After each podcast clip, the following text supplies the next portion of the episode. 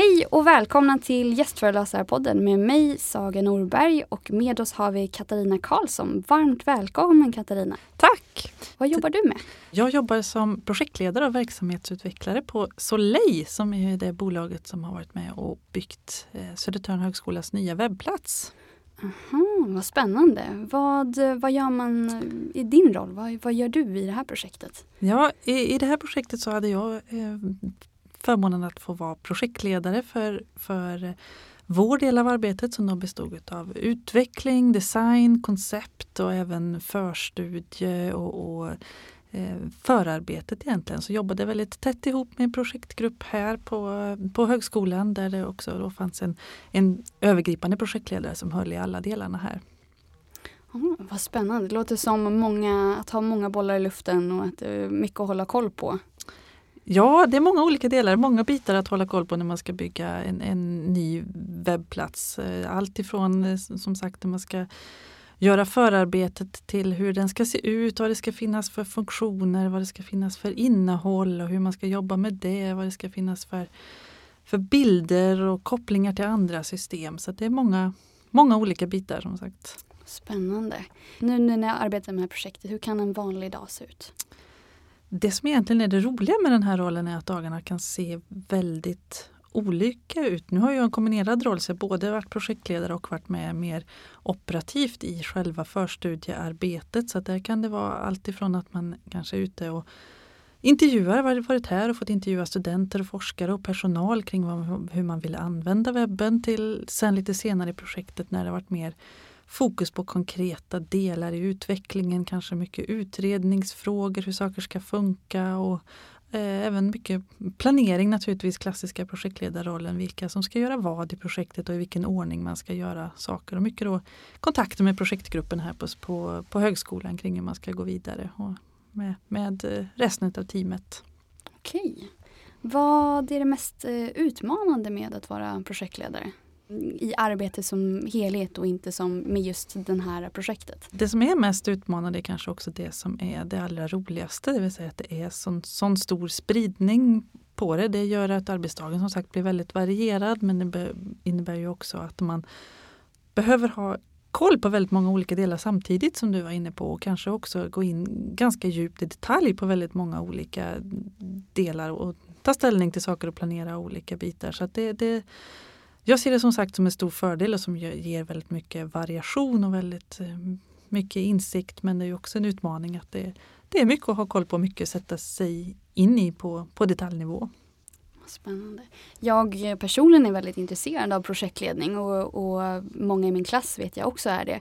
Och jag har hört att de ville att jag skulle framföra och, och fråga lite vad, eh, om man skulle vilja arbeta med projektledning, hur, eh, hur tar man sig tillväga och vad finns det för tips? Vi som då har det mer en, ja, vi går it-mediedesign då, men senare, vad kan man, hur kan man tänka?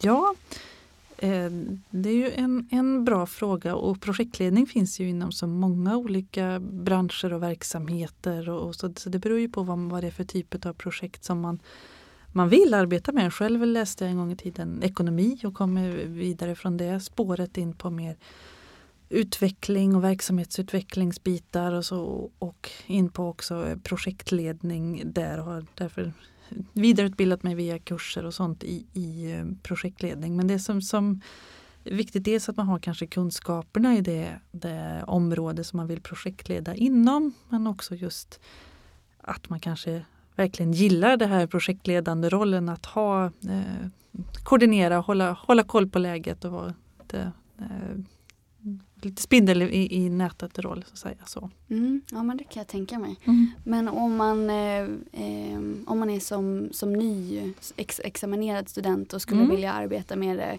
eh, framöver. Jag tänker att det kanske är svårt att komma in i det om man inte har någon erfarenhet inom just projektledning är det liksom, jag tänker då det är några kurser, är det, har du läst det via jobbet eller är det externa kurser? Mm, den kursen läste jag faktiskt via, via min, mitt dåvarande arbete och det finns ju också att det finns så många olika sätt att arbeta med projektledning. Det finns många olika projektmetodiker och där kanske olika verksamheter väljer att följa olika metoder så det finns ju väldigt mycket kunskaper man kan ha nytta av. Övergripande sen kan man behöva på detalj sätta sig in i, i Eh, exakt vilka, vilken metod man använder i vilka, det finns olika såna beslutspunkter och milstolpar inom projekt som kan vara viktiga inom olika metoder och även hur man på olika, inom olika verksamheter jobbar med uppföljning och budgetar och hela den biten. Så att dels att ha mm, kunskap på, på övergripande nivå men att sen sätta sig in i de specifika detaljerna kring hur man jobbar i den, den verksamheten. Det är ju sånt som man, som du är inne på, behöver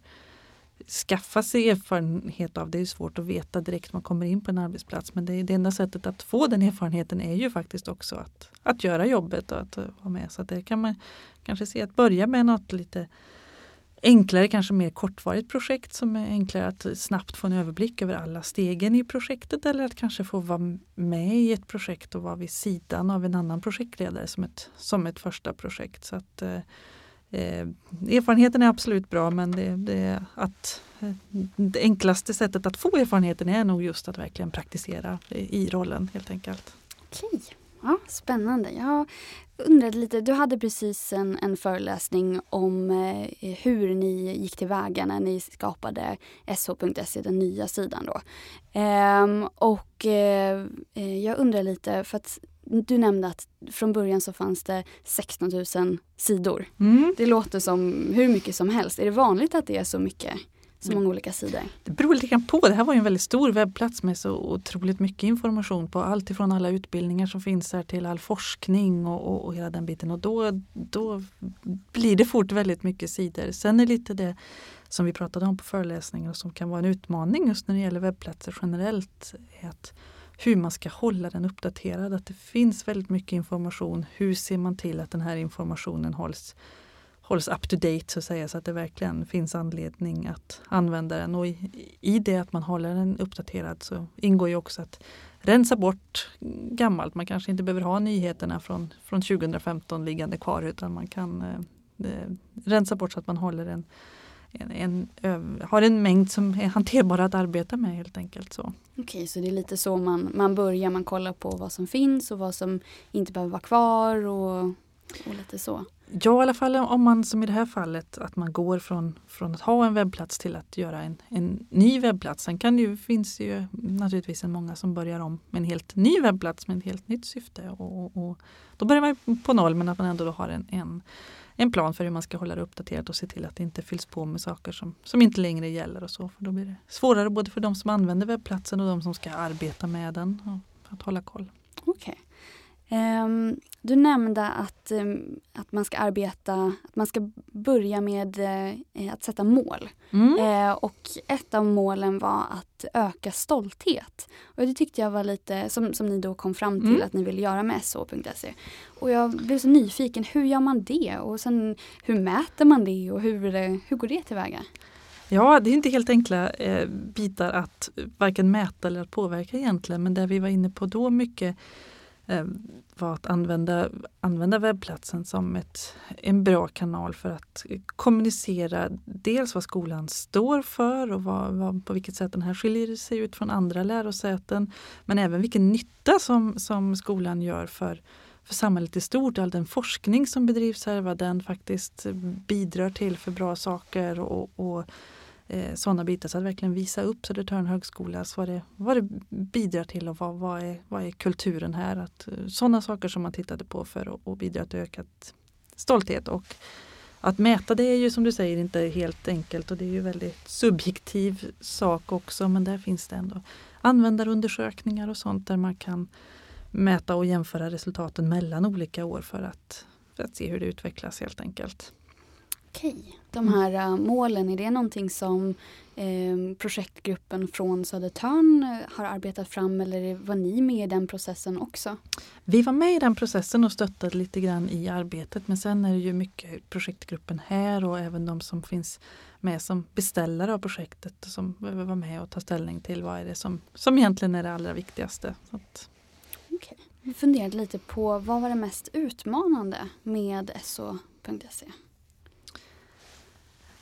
Ja, kanske storleken på, på projektet i sig, att det var så, så många olika delar som skulle klaffa och där är ju väldigt mycket projektgruppen här på skolan som har tagit det allra tyngsta lasset och få ihop alla alla bitar med eh, som sagt de här 16 000 sidorna som skulle bli nya sidor och allt med allt vad det innebar från att skriva nytt och översätta och få ihop med bilder och hela den biten. Men sen, sen har det även varit en hel del utmaningar kopplade till att det finns mycket kopplingar till andra system. Att vi ska hämta information om utbildningar från den här utbildningsdatabasen LADOC och hämta scheman och sånt där och att allt det här de här kopplingarna behöver verkligen fungera hela tiden så att det alltid finns aktuell information om utbildningar och hur man ansöker och sådana bitar. Så att mycket, många sådana bitar också.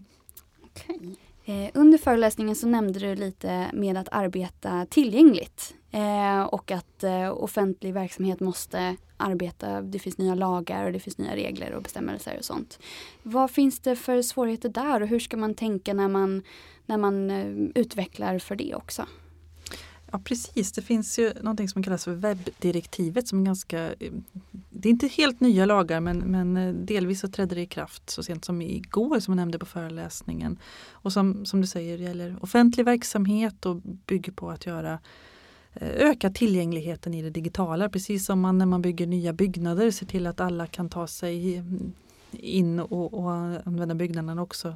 Tänker likadant i det digitala, att man ska kunna använda det även om man kanske har eh, synnedsättningar eller liknande, att webbplatsen ska fungera eller om man inte har möjlighet att använda musen på datorn. Och, och.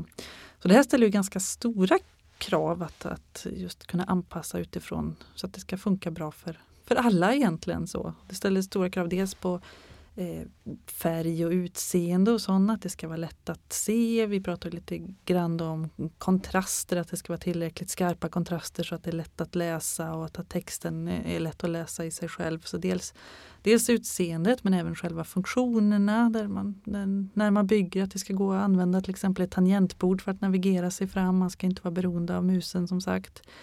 Eh, men sen också naturligtvis väldigt mycket krav när det gäller när man ska skriva själva innehållet. Att utforma det på ett sätt som gör det, gör det möjligt att, att ta till sig för alla typer av läsare. Så. Mm. Var det svårt att, eh, för jag tänker att du har arbetat inom branschen ett tag och sen så, hur länge sedan var det de här lagarna kom? Eh, de jag tror att de beslutades 2016 men började träda i kraft i fjol första omgången 2018 och sen nu igen 2019. Så det, det, har ju varit en, en gradvis process när man vetat att kraven eh, har varit på, på väg att, att bli tajtare och tajtare. Så det har ändå funnits med i, i tankarna men att medvetenheten har ökat kring det. Helt klart att man behöver ha med det som sagt i hela arbetet. Allt från från form och funktion och utveckling till, eh, till när man ska skriva texter och lägga in bilder och sådana bitar. Okej. Okay. Jag var faktiskt med eh, på ett av användartesterna för webben efteråt. Jaha, efter lansering ja. och eh, satt med och, och, vi skulle testa lite olika saker och sådär. Mm. Och då var just en sak som, som många kommenterade i gruppen jag satt med då eh, var eh, någonting som när man klickar på en, en rubrik så måste man klicka och inte bara hovra. Utan, och det var just för att det ska fungera med den här tab-versionen. Men det var någonting som, som vi uppfattade störde användarupplevelsen mm. för oss.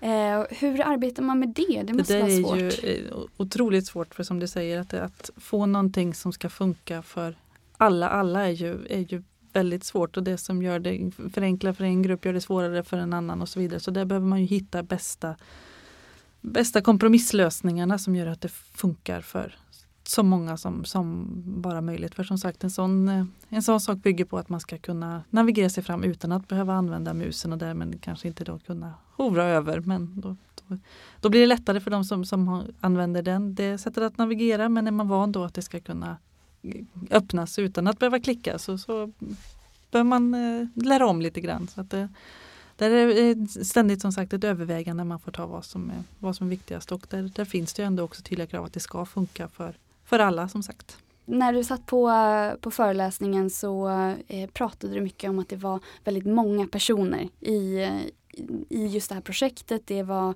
från ert företag och det var från skolan och det var fotografer och allt möjligt.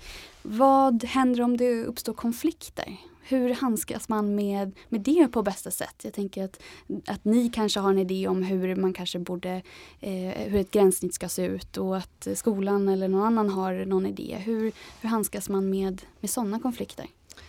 Eh, ja, här var vi jättemånga involverade som sagt. Det var dels ett stort gäng här på skolan och vi var med och vi har också ett annat företag som heter Advant som har hållit i designen och som jag nämnde på föreläsningen ett gäng eh, ytterligare externa partners som, som är de olika eh, tjänsterna så som det är kopplat samman med och det är klart att eh, man inte alltid tycker lika och framförallt kanske här bland användarna på skolan där ni är många tusentals studenter och, och, och, även bland personalen så kommer det finnas väldigt mycket olika åsikter om allt från vad som är viktigt och, och sådana bitar. Men där är det här förarbetet som jag nämnde på föreläsningen där man verkligen tar tag i och identifierar målen och vad det är man vill uppnå och ta fram en prioritering utifrån det.